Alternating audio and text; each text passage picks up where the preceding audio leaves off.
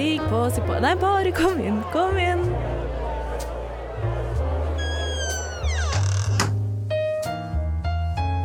Her i lobbyen er det plass til alle sammen.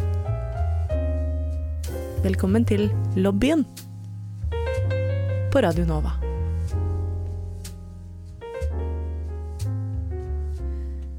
Hei og velkommen inn i lobbyen.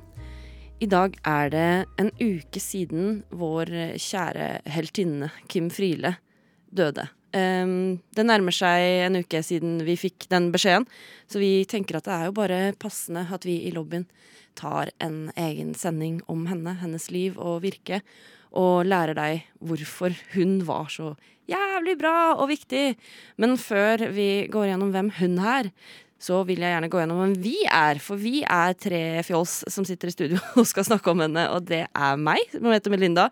Og så har jeg Lilly og Iselin. Hei. Hei. Hei. Hallo, hallo. Takk. Eller hiv ohoi, som jeg har sagt gjentatte ganger i dag. Hiv ohoi, Lilly. Kanskje du vil begynne å si hvem du er? Ja, jeg heter Lilly. Jeg er 22 år, jeg jobber som DJ, er uh, kjønnsskeiv og skeiv. Bruker pronomen hen og hun. Vi kjører hen i dag. Pirat på si. Pirat på si. Eller har en fortid som pirat, da. Ja. Jeg, jeg var skuespiller eh, i Dyreparken.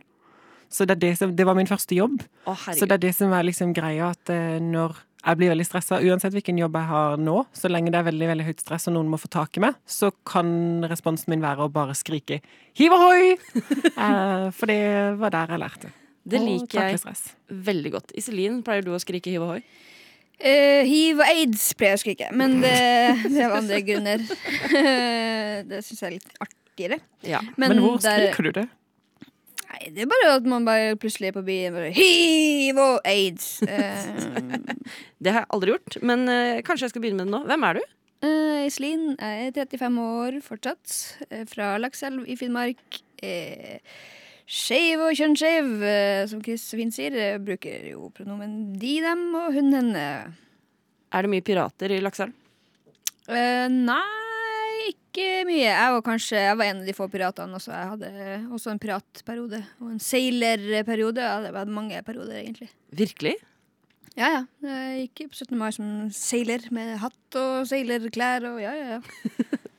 Veldig gøy. Jeg føler meg litt trist for at jeg aldri har hatt en eh, piratperiode. Jeg er Melinda. Jeg er 28 år gammel.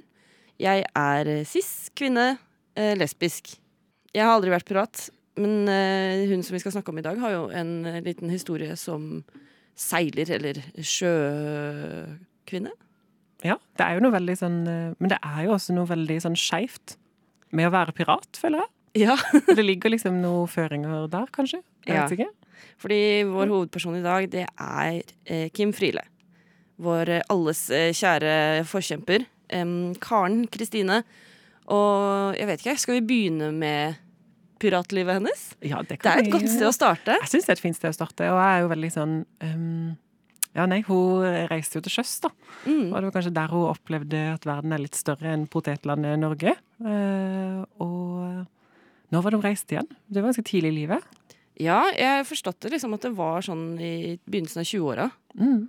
Nei, og så reiser hun da sammen med disse mannfolka, eh, primært det, og så ehm, Ja, så var det en som hadde så prøvd seg, da. Jeg prøvde å gå innom lugaren og eh, prøve seg, og så forklarte hun at eh, ja, det her er det dårlig sjanse, fordi jeg er lesbisk, og så Eller likte damer, da. Og da kom hun ut til resten av de, så da var jo liksom en komme ut-opplevelse der. Og så, så hadde hun det litt gøy, da, når de først kom fram til eh, Nei, vi snakker om det, og så var vi jo usikre på om det var, liksom, om det var Cuba eller Filippinene, Ja. eller hvor det var. Et sted. Et sted som er litt eh, Ja, eller Syden. Det store Syden, som vi kaller det. Ja. Det store utland. Og da ender opp på et uh, lyst hus, der uh, man har det gøy. Uh, og så uh, disse mennene kjøper jo på en måte tjenester av disse flotte damene. Og Kim slenger seg ned ved bordet sammen med bordellmammaen. Og eh, sier da ja, ja, men hvorfor kan ikke disse damene komme bort her? Og så ble hun spandert på hele kvelden, da. Så det er ganske kult. Så da sa, var de andre seilerne egentlig litt sånn oppgitt og sa at eh, vi skal aldri gå ut med Kim igjen, for at, eh, hun får jo alt spandert, liksom, mens vi må drive og betale hardt for dette. Ja, det, det har jo skjedd eh, en motsatt utvikling, i hvert fall i mitt liv. For jeg var i Barcelona i to år siden. Og da slapp vi to lesber ikke inn på strippeklubb, fordi Ai. det var bare for menn. Så kanskje det er Kim Friele sin feil, da. At, uh, at uh, vi ikke får slippe inn lenger. En av våre største liksom, pionerer og helter, og så sier vi sånn ah, det, det, Hun har ødelagt rettighetene, hun har ødelagt rettighetene våre til å gå inn på strippeklubb. Jeg har litt sånn frykt for å gå på strippeklubb om folk begynner å tro at jeg jobber der. Det er måte mitt, det var så kjedelig hvis jeg kommer der for det gøy, liksom. Og så er folk sånn ah, uh, sånn, ah. Vi fulgte etter en dame en gang for at hun spurte Vet du hvor Blaze ligger. Og det gjør jeg. Og jeg spurte hvorfor skal du dit. Hun bare nei, jeg skal søke jobb der. Hun var en ganske drita svensk dame. Vi bare det her må vi se. eh, så vi gikk etter, og hun gikk jo rundt da på Blaze og spurte egentlig alle stripperne og vaktene og sånn om hun kunne få lov å jobbe der. Men de sa kom tilbake på mandag. Men jeg tror ikke de er åpne på mandag oh, ja. men, men eh, det fikk hun beskjed om. Og ja, hun godtok det, da. Tror du hun fikk seg jobb? Jeg har ikke sett henne der siden. Du, men du henger her mye. Nei, jeg har ikke, jeg har ikke vært der siden, faktisk. Hun jobber der. fast på mandager. Hun På en jobber deltidsjobb. Hun jobber der på mand mandagsmorgen fra åtte til eh, fire. Det er Veldig fint. Happy hour. Det er, det er hyggelig å høre litt av deres historier også, men eh, jeg tror vi skal gå litt tilbake og snakke om Kim Friele. Nordmenn er engasjert ungdom og livserfarne gamle.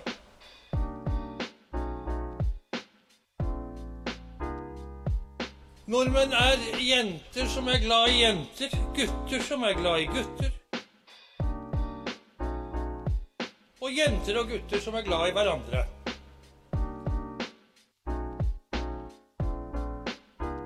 Velkommen til lobbyen på Radio Nova. Kim Friele ble født 27. mai 1935 i Bergen, og det var der hun vokste opp. Hun begynte ganske tidlig å fly etter jentene, faktisk. og um, hun skjønte ikke helt hvorfor, hvorfor hun var så mye mer betatt av de enn av gutta. Hun hadde spurt en lærer om det her, og fått til svar sånn Ja, nei, det må noen andre forklare, det kan ikke jeg si til deg. Så hun var litt sånn trist i ettertid over at det var svaret hun fikk. At hun ikke fikk en forklaring. For hun skjønte det jo ikke selv. Um, men så gikk det da noen år, og det var sånn hun hadde eh, Som hun sa, hun hadde en kjæreste, og det var i sånn i fjerde-femte klasse. Um, det skjedde ting under dyna, som hun sa. Det var mye sussing i en liten periode der.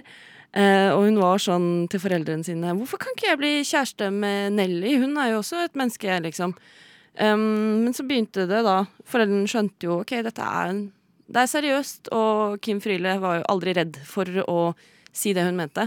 Det var et veldig åpent hjem for det. De vokste opp i et hjem hvor det var lov å være uenige og snakke om ting og stille spørsmål og diskutere. Men det moren hennes da gjorde når hun sa 'hei, mamma, jeg liker jenter', da eh, kom hun til psykolog, da. For det var jo ikke lov.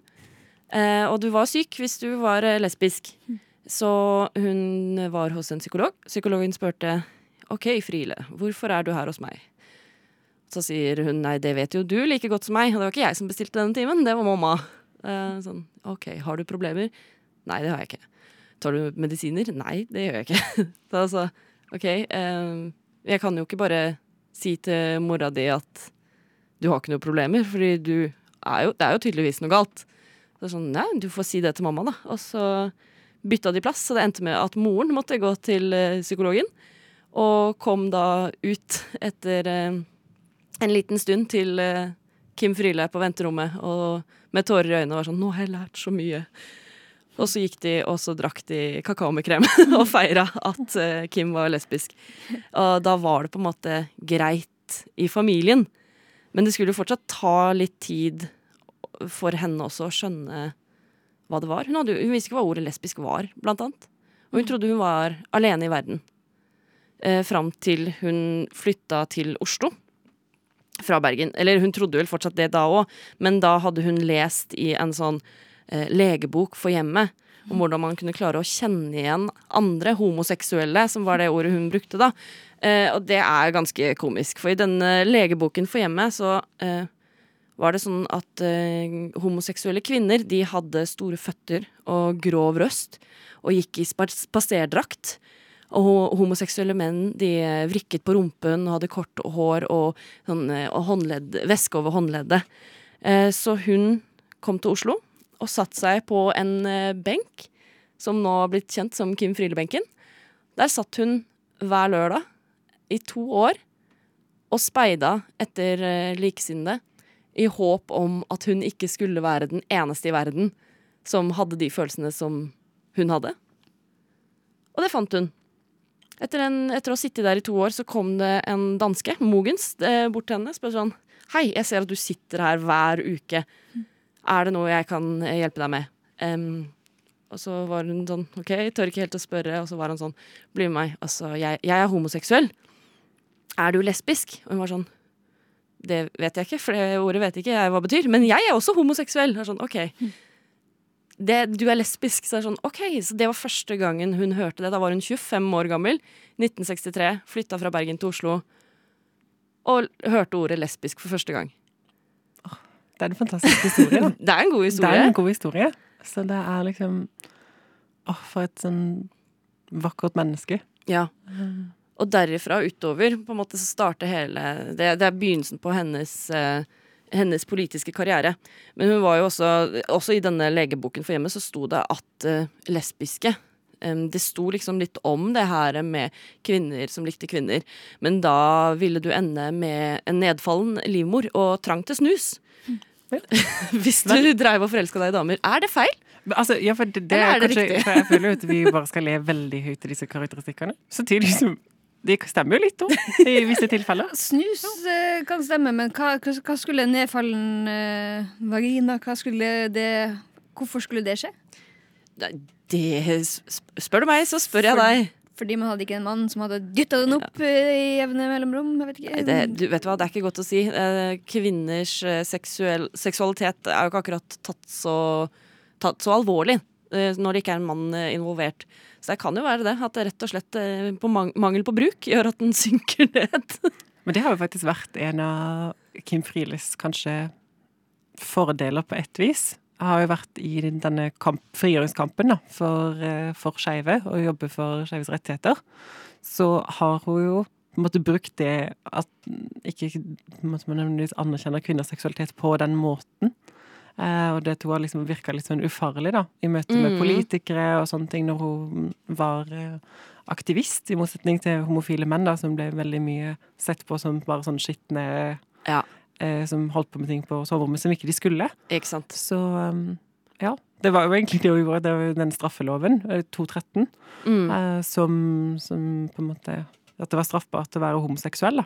Og så var det ganske diskré å være um, Ganske diskré, og liksom skjule det mest mulig, for det var jo straffbart. Eh, og hun var bare så tøff at hun gikk rett opp og sa liksom helt skamløst at eh, vi kan liksom ikke gjemme oss lenger. Og eh, hvis de ikke Det, sove, det var en sovende lov, da. Mm. Og um, kommer da og sier at ja, men hvis dere skal liksom fengsle fengsle de homofile for, for dette, så må dere gjøre det med lesbene òg.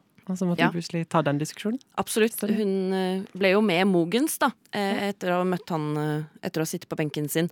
Eh, Og han var da del av dette Det som skulle bli Nå er det jo fri, eh, men da denne Åh, shit. Eh, Hva heter den?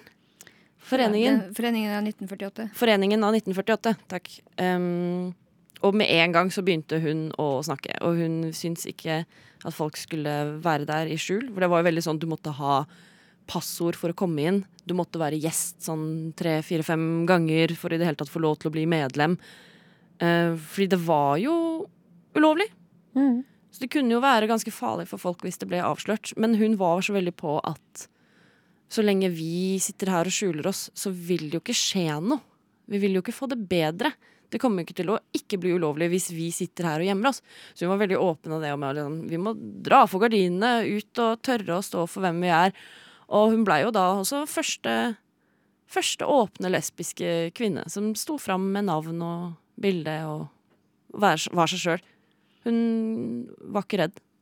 Ja, og det var jo da i 1966, så det er jo ekstremt tidlig når man tenker det på, på sånn. Og da også seks år før eh, det eh, loven forsvant, at det ikke var straffbart lenger.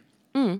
Så det er jo ganske kult. Uh, hun hadde jo også uh, i en podkast jeg hørte om, som snakka om at de var Da tror jeg de var på den her eh, andre uh, Hva det heter Ormsund roklubb, eller et eller annet sånt. Ja, og der var det liksom, når hun var der og ville bli sjekka opp, da hadde hun på seg strutteskjørt, og når hun ville sjekke opp, så hadde hun på seg bukser. Ja.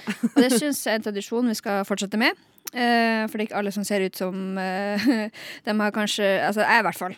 Jeg liker ikke å sjekke opp folk, så, men jeg vil heller ikke gå med skjørt. Men jeg, hvis jeg kan finne noe annet, som en liten, liten sånn eh, klistremerke med grønn eller rød eller oransje eller et eller annet som gjør at man skjønner at hei, du må komme og snakke med meg, for jeg kommer ikke til å komme og snakke med deg. Det er en hårfin grense, føler jeg, hvis du skal begynne å merke de homoseksuelle. det, det har blitt gjort før. Ja, ja. Og hvilke, hvilke som er liksom initiativtagende homo, og de som Ja. er passivt homo. Det er jo litt sånn det er de som, Ja, det er, altså, men det hadde vært litt nyttig også. Det er jo sånn singelkurv på butikken, liksom. Men Friele kom da inn og begynte å rote i rekkene. Umiddelbart begynte å si hei, hei, kom igjen, vi må ut, vi må snakke, vi må kjempe. Hun kalte denne klubben for De klamme henders klubb, for hun syntes de var så tafatte som bare satt eh, på ræva og gjemte seg og levde der i skjul. Mens eh, hun vil sånn Folk snakker om oss. eh, Tema homoseksualitet dukker opp, og folk, eksperter eh, i gåsetegn, snakker om det. Men det er aldri noen homoseksuelle som får lov til å si noen ting om dette. Ingen som vil snakke til oss. Det er ingen som vil høre oss. de da, snakker, ja, de snakker liksom om oss, og ikke med oss. om og rundt, men ikke med. Men da ble jo hun også først til å snakke nettopp om dette, Iselin. Mm. I eh, 1966. 1966. Så NRK. Kom på NRK, fikk lov til å snakke legendarisk intervju. Det ligger tilgjengelig på internett. Anbefales å se, for det er ganske rått.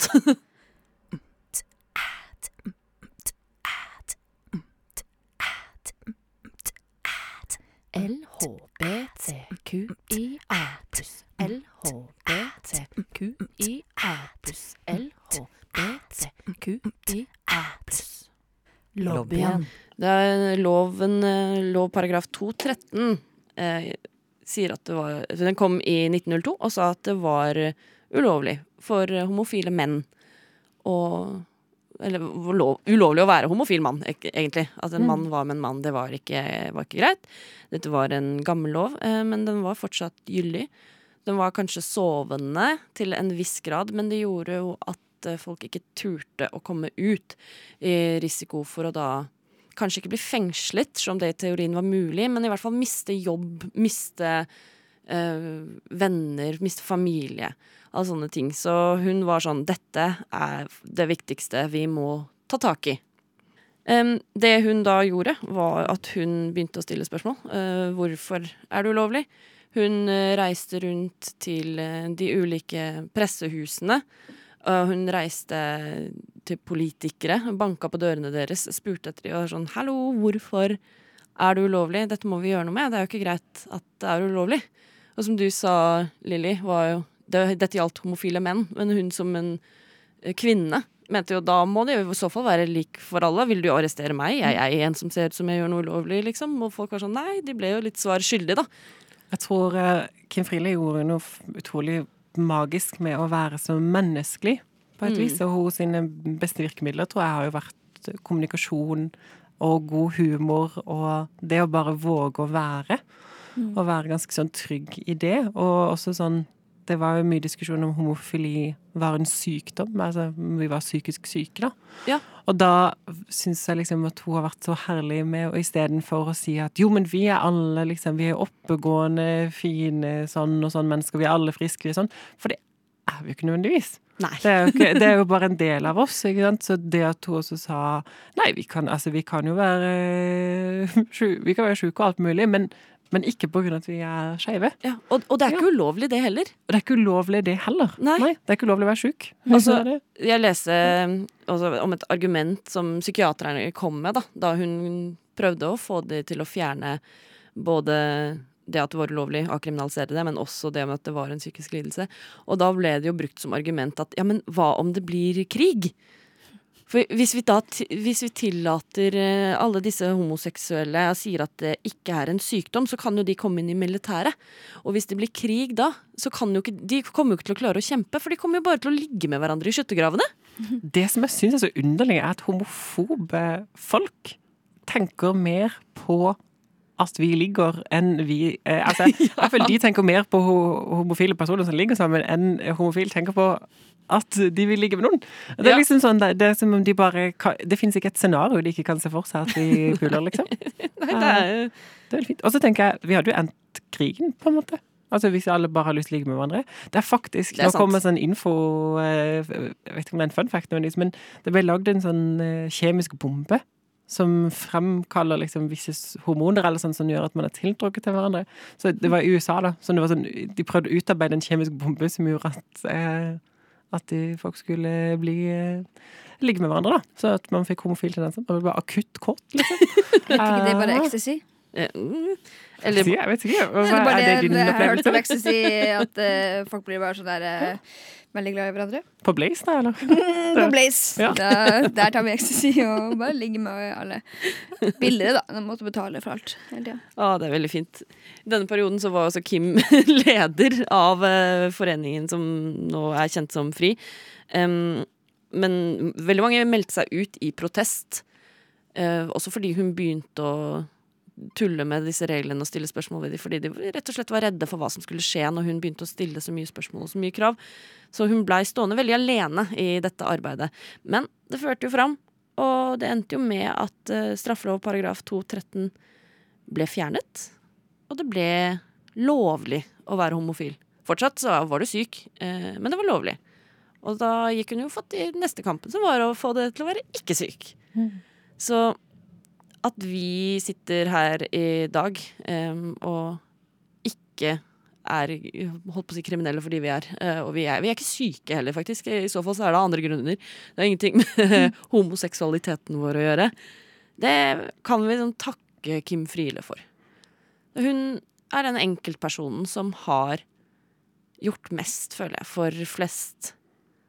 For hun, hun sto veldig i det aleine. Det var ingen andre som turte å komme ut. Den andre lesbiske kvinnen som kom ut, det var liksom ti år etter at Kim turte å stå fram. Så det var liksom ti år alene. Eh, hun hadde ikke helt støtte fra foreningen, hun hadde ikke støtte fra sine egne. Men hun valgte likevel å ta kampen på vegne av de. Mm. Jeg tror det er liksom Det er noe med respekt for noen som, som våger å hele tida tenke det kan bli bedre, det kan bli større, det kan Vi kan ha gode liv, da. Og det er liksom sånn Det å aldri slutte å kjempe, uansett uh, hvordan det er. Det er litt sånn som vi har den pågående på en måte kampen vår spesielt for transpersoners rettigheter. Vi skal utarbeide tredje juridisk kjønn, og det er med tanke på behandlingstilbud og alt sammen. Det er bare sånn Vi kan så lett gå inn i en sånn, ja, men For vi er liksom litt inne nå i Norge, liksom. Vi har, har det relativt godt, da, i motsetning til andre steder i verden, men vi har det fortsatt ikke godt nok til eh, Det er ikke alle som får sine rettigheter respektert, og det er veldig viktig. Det er det. Ja. Så du hadde jo noen ideer, Iselin, om kanskje hvem som kan bli neste Kim Friele? Ja, altså Ja, hvis vi tenker da på transkampen, så er det jo eh, ikke så rart å tenke at kanskje da Luka Dalen Espeseth og kanskje Kristine Jentoft eh, blir de nye Nye Kim Friele, som vi snakker om om eh, 50-60-70 år når de dør og har en podkast om det. For det skal vi ha. Ja, ja, ja. Vi, vi i lobbyen skal ha det. Absolutt. Vi skal bli gamle folk og skal snakke om alle Kim Friele og hennes eh, etterkommere, politiske etterkommere, i tiden som kommer. Men de er jo også sånne aktivister som våger å liksom rote litt i selskapet, merker jeg. Det er jo sånn, Jeg husker spesielt når jeg kom liksom tidlig i å komme ut, da. Ble nesten litt sånn Trenger dere å være så, så provoserende, da? Så fordi Mm. jeg gikk rundt med min skam og mitt behov for å ha aksept og passe inn. Så jeg kan jo forstå åssen det har vært for Kim Friele For de som på en måte trakk seg når hun turte å gå ut, da. Det er skummelt og når du har iallfall en sånn kanskje liksom betinga innenforskap, da. Og det å våge å si at det er fortsatt ikke godt nok. Det er fortsatt noen som ikke hører hjemme, som ikke har plass. De må vi fortsette å kjempe for. Mm. Det er så, viktig sånn der Ja, både alle minoriteter, sånn som både funksjonshemma og det å jobbe mot rasisme og sånn. Det er liksom det som jeg blir inspirert når jeg eh, ser på en måte intervjuer og sånn med Kim Friele, det er mange sånne konkrete saker som hun har jobba med, men Mm. på en måte grunnmuren i henne, og en sånn der sterk sånn grunnpilar, liksom, og det er bare at, å stå opp mot urettferdighet. Så det, det handler ikke nødvendigvis om at alt er dedikert til øh, Jeg vil på en måte redde Eller ikke Men endre vilkårene for skeive menneskers liv. Men det er alle mennesker som opplever forskjellsbehandling eller diskriminering eller sånne ting, skal øh, få det bedre.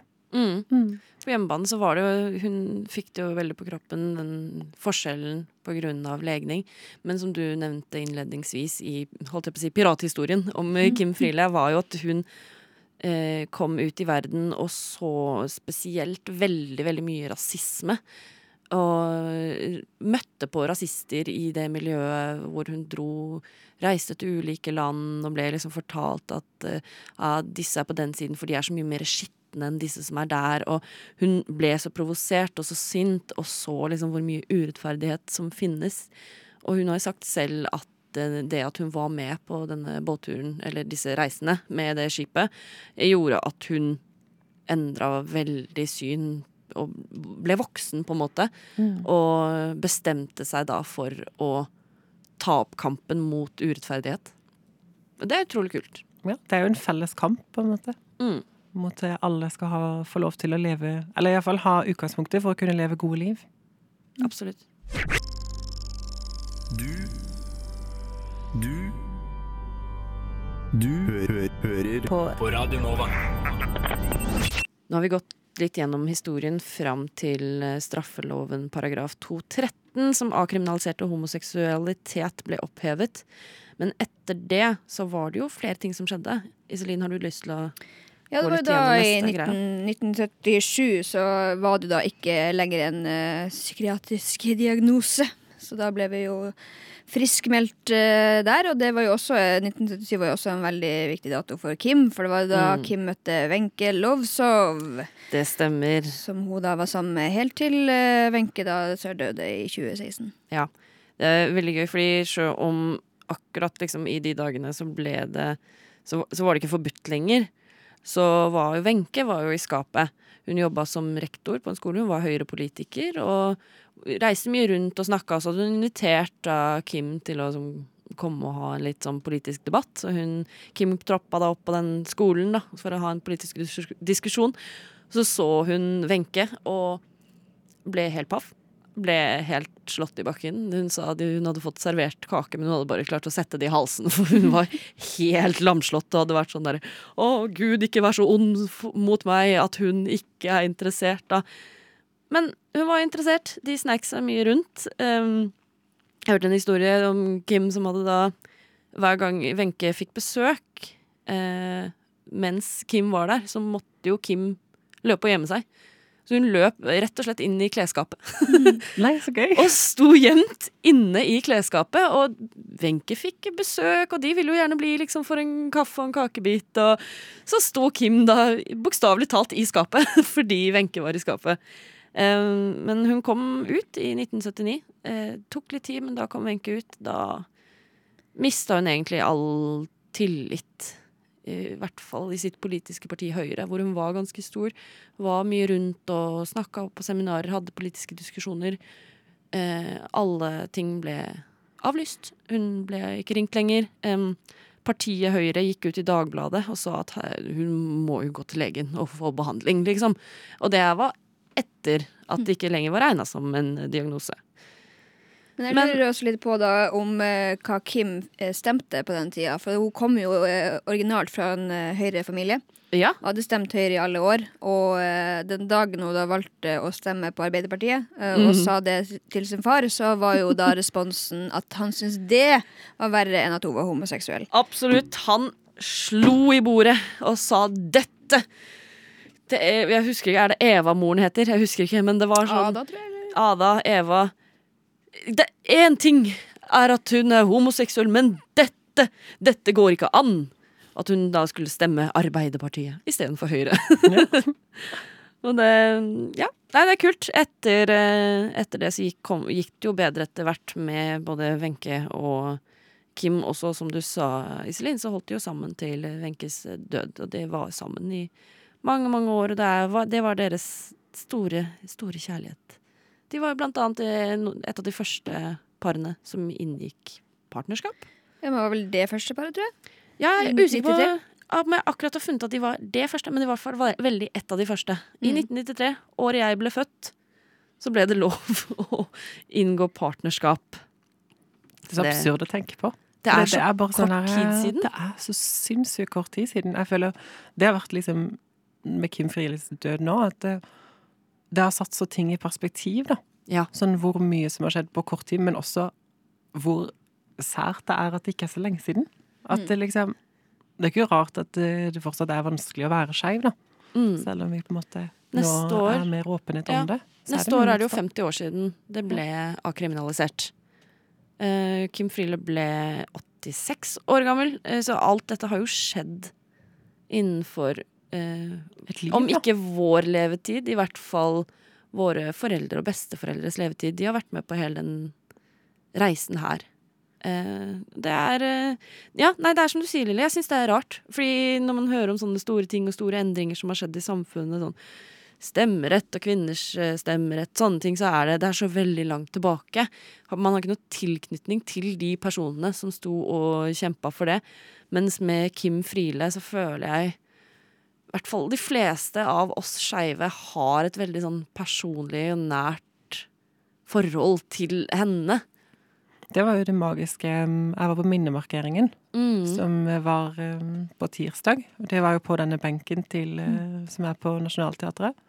Eller Nasjonalen er det jo, ikke på Nationaltheatret. Ja, ja. Ja. Men uansett. Og da er det sånn der uh, Det var så, så magisk å se. Jeg husker at jeg, jeg satt hjemme i litt sånn sjokk. Jeg visste ikke helt om jeg var trist hell- jeg, hadde liksom ingen følelse, for jeg tror jeg bare ble liksom overveldet av mange ting. Og så ringte min venninne meg og sa hei, har du, kommer du på minnemarkeringen klokka ett? Og så bare Jeg hadde egentlig en plan den dagen, men jeg bare reiste meg fra stolen min, og så bare gikk jeg. Det var ikke, et- det var ikke et spørsmål engang, og så bare kjøpte jeg rosa på veien, og så på en måte Det var nesten som at det ikke var en avgjørelse. Det bare skjedde noe i meg.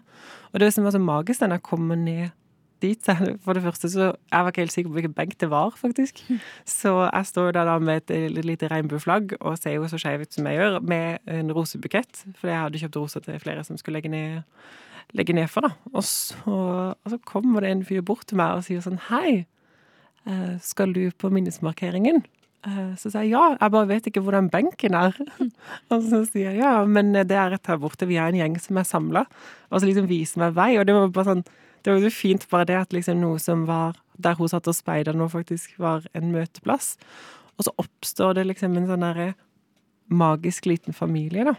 Med folk som er aktivister, folk som bare lever sine liv, kjærestepar, gamle, unge, alt mulig, liksom. Som står der og samles rundt hos sitt minne, da.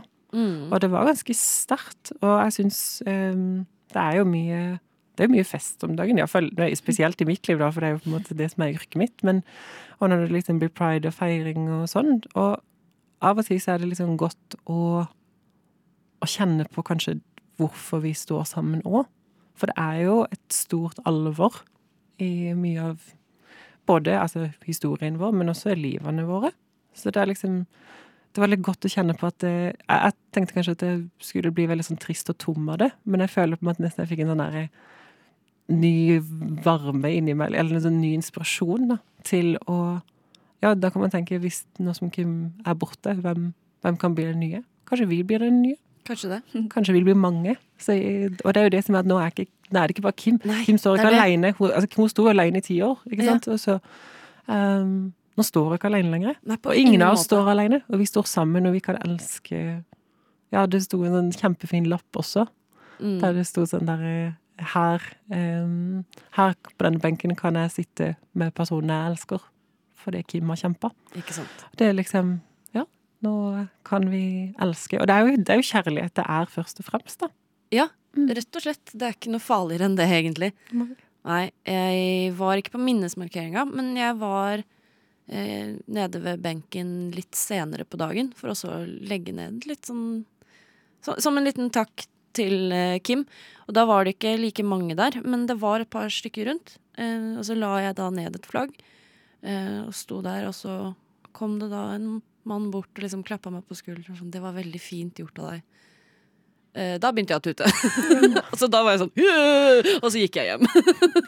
Jeg var jo der eh, nå rett før vi, vi kom hit, da. Ja. Og det, det var liksom morsomt Ikke morsomt, da, men det, det var en eh, litt eldre mann med det jeg tror bare var en helt vanlig kompis, som da sto der og han ene spurte ja, hva er det her, og han der fyren tok altså verdens lengste pause før han begynte å snakke. Han bare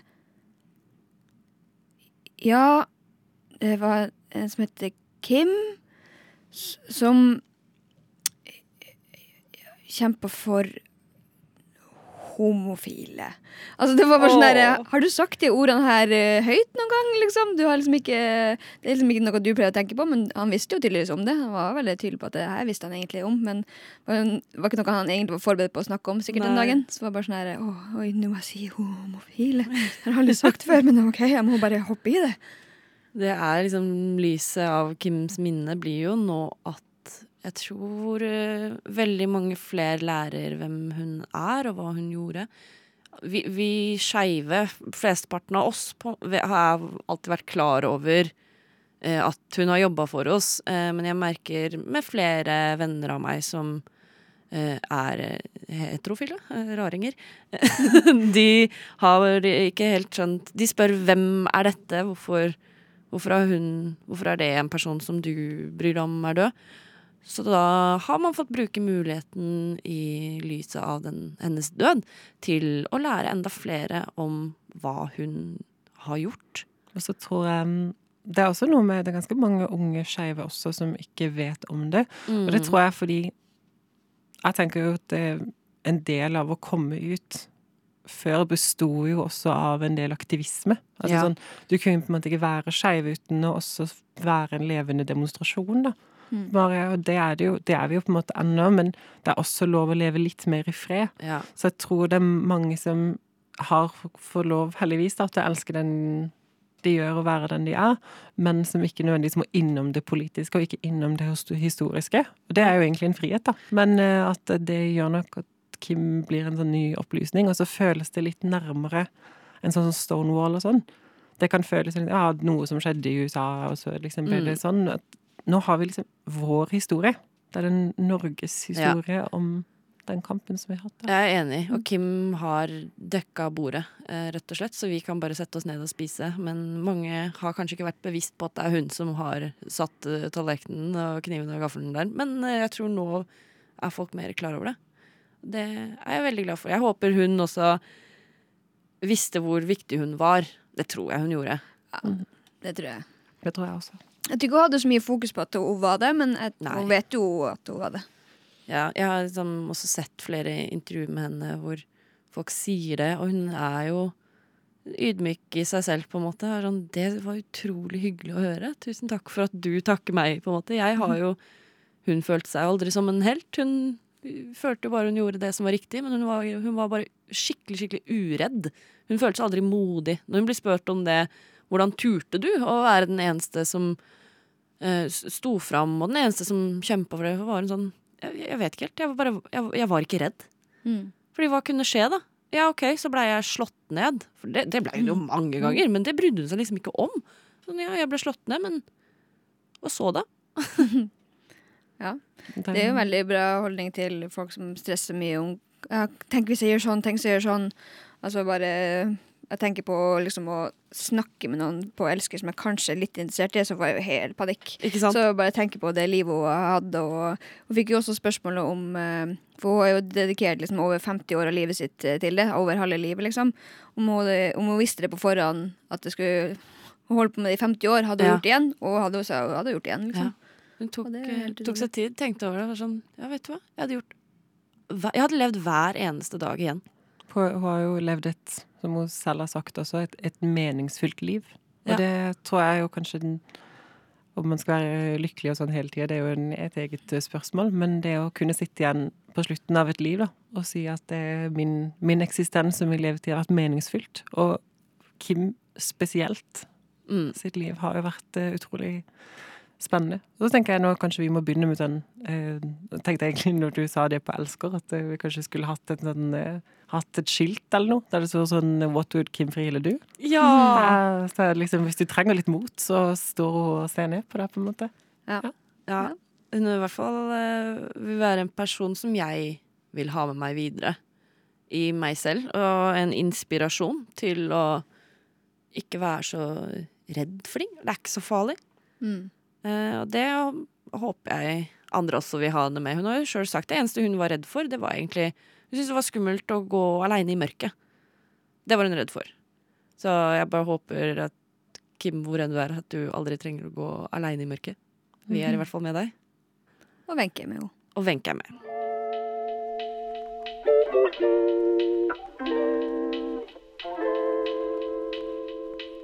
Okay, listen up. This is for the girls and the gays and the theys. So if you're not a girl or gay or they, keep scrolling. I'll wait. Okay, now that you're here, I hope you guys have a good day. Velkommen til lobbyen på Radio Nova.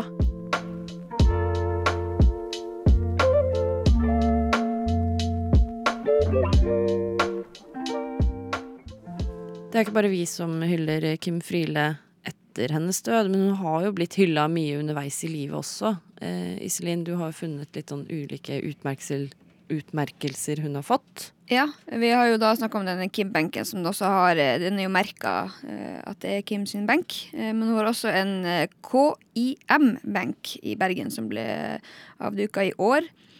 Og så har hun jo også da både en byste på Deichmanske bibliotek, og så er hun også blitt ridder av første klasse. Så hun har jo fått det, det meste, og det er jo bare goals hele greia. Absolutt. og nå får hun begravelse på statens bekostning, som seg hør og bør. Det blir neste mandag, 6. desember. Da vil det bli Oslo domkirke. Um, og Lilly, du hadde også noe tilleggsinfo. Ja, eller sånn, det blir jo Jeg vet iallfall at FRI sine lokallag også kommer til å arrangere en del møteplasser. Sånn at man ikke trenger å være alene på den dagen hvis ikke man kan være på bisettelsen. Så man, det kommer nok til å være samlinger forskjellige steder. Så følg med på informasjonen der. Ja. Da trenger man ikke å sitte alene. Nei, det, det tror jeg føler jeg liksom er minnet etter Kim, er jo at det er ingen som trenger å sitte alene lenger. Og tenk at vi har gått fra de første liksom homodagene, som var da forgjengeren til Pride i Norge, hvor det var kanskje ti personer som sto på Universitetsplassen og ble kasta ting på. Eh, Det var en av de tidligere pridene, så var det noen som kasta noen eksplosiver som gjorde at en ung gutt mista fingeren, blant annet. Til at vi nå i år hadde eh, NRK liksom en fredagskveld hvor de sendte som live fra Pride Park med skeive artister, skeive programledere. Eh, det fikk også Kim oppleve før hun døde, eh, og gjorde et knallbra intervju i forkant av det, som de også viste i Pride Park, og som ligger tilgjengelig på NRK for alle som ønsker å se det. Og så må vi også huske at eh, Kim sin ånd er jo at sorg er ikke bare mørkt. At vi må ikke miste humoren. Hun hadde utrolig mye humor selv, og hun har sagt at det er på en måte det som gjør at vi overlever. Humor er jo liksom verktøy for åpenhet, da. Og forståelse, tror jeg. Så det er liksom en måte å ja, å møte og spesielt, og ufarliggjøre ting også. Ja. Eh, Jeg tror kanskje en av mine favoritting når hun, eh, i det ene intervjuet også, der hun eh, ofte så kanskje vi blir veldig sånn opptatt av å høres korrekt ut eller snakke ordentlig, da. Eller bruke litt sånn avanserte ord og sånn. Og det noe sånn herlig med å bare si sånn Jeg liker ikke forskjellsbehandling. Ja. Jeg liker ikke at folk er slemme mot andre. Jeg liker kjærlighet. Altså sånn, noe med bare Av og til så er ting Kanskje litt sånn, hvis man går helt inn i det, ganske enkelt, da. Og eh, så når man bruker humor i tillegg, så møtes man, da. Og eh, ja, det er også min opplevelse at eh, mange som snakker om oss og har fordommer og sånn, med en gang de møter et menneske som de kan snakke med, så, så er det mange ting som løsner opp, da. Mm. Mhm. Og humoren er jo en forlengelse av tragedien. Absolutt. Så vi skal eh, le videre inn i minnet av Kim Friele, og vi skal ta med oss alle de gode historiene hennes og ja, rett og slett den hun er, eh, den hun var, og ta det med inn i oss. Og jeg prøver alltid, når jeg kan, å kanalisere min indre Kim Friele. What would eh, Kim Friele do? det, blir, det blir en poster, jeg. Jeg har faktisk eh, Jeg har faktisk eh, erklært det på på det kortet som jeg la hjemme på benken når Ja. jeg var der på minnesmarkeringa. Så det har jeg på en måte skrevet under for meg sjøl. Mm. En slags sånn eh, dedikasjon til å kjempe for rettighetene våre egentlig resten av mitt liv. Mm. Så det Vi skal ikke så langt før vi ser at uh, folk er ikke like heldige som oss. Det er bare et par land bortafor oss i Europa, så har du homofrie soner, som de kaller det i Polen, blant annet. Det er forbudt, det går liksom Ting går tilbake igjen. Vi har gått eh, langt fram, men eh, nå er det ganske mange steder hvor de går tilbake. Så kampen er ikke over. Så vi kan jo egentlig bare avslutte med Kim sine egne ord. Ja, som rett og slett bare er kom ut av skapet og opp på barrikadene.